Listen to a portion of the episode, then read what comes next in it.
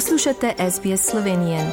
Prisluhnite še drugim zanimivim zgodbam na sbsp.com.au pošiljka Slovenije.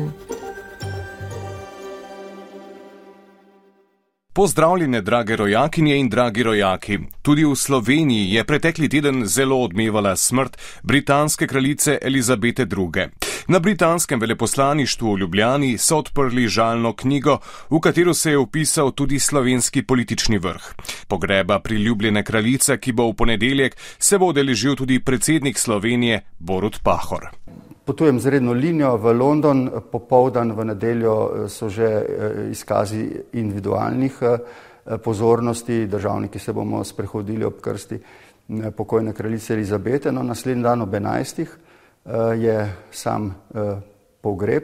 V tem času sva se odločila s predsednico in tudi v stiku s kabinetom predsednika vlade bo Slovenija med 12. in 14. uro izkazala neko pozornost Eh, sožalje, žalost eh, ob pogrebu kraljice, tako da bo pred predsedniško eh, palačo zastava visela na pol droga.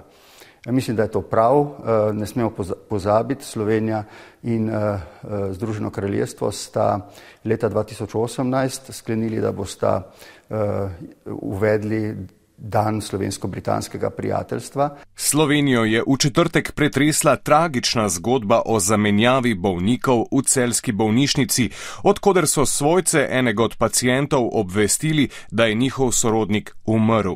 Da je še vedno živ, so ugotovili potem, ko se je omenjeni pacijent iz bolnišnice z reševalno službo vrnil v svoj dom za ostarele. Njegova družina pa je prav na ta dan že organizirala njegov pogreb. Zaradi izrednega dogodka je odstopilo vodstvo celske bolnišnice. Poslušajmo izjavo zdaj že nekdanjega direktorja Aleksandra Svetelška. Kot uh, direktor bolnišnice pa se iskreno, iskreno obžalujem, da je do takšnega dogodka prišlo in se svojcem, kolikor je to možno, za to tragično de, de, dejanje, ki jih je spravilo v čustveno stisko, v imenu splošne bolnice celje eh, iskreno opravičujem. Zelo čustveno pa smo Slovenci v četrtek sprejeli poraz naših košarkašev v osmini finala Evropskega prvenstva. Naši so namreč branili zlato medaljo iz prejšnjega Evropskega prvenstva v Turčiji, v četrtek pa po dramatični končnici izgubili proti Poljakom, ki formalno ne spadajo med močnejše reprezentance stare celine. Odgovornost je prevzel prvi zvezdnik naših komaj 23-letni Luka Dončić. Mene za Slovenijo zmer najlepši grad Uh, mislim, da smo se vsi borili, uh, res smo se borili, uh, sploh drugi polčaj. Kaj bi rekel, res sem tako veliko bolj bi lahko igral, kot jaz znam, ne pa tako, kot sem. Če smo začeli s slovesom globalne ikone, pa moramo sporočiti še žalostno novico o slovesu domače igralske eminence.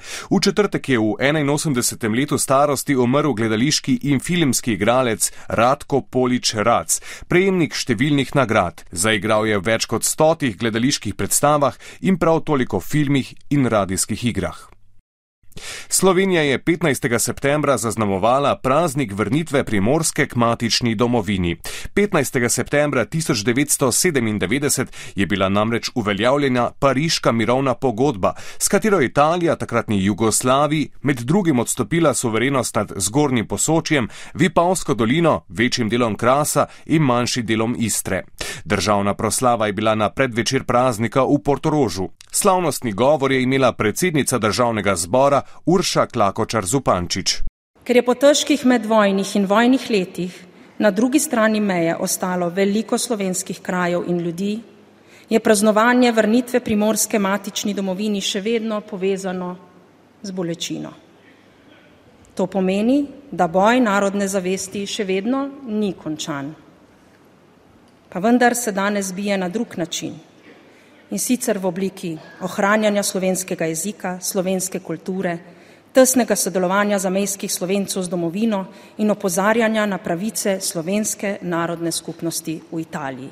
Poslušali ste izbor pomembnejših novic, ki so zaznamovali teden v Sloveniji. Izbral sem jih Žan Dolajš, ki vas do prihodnič prav lepo pozdravljam.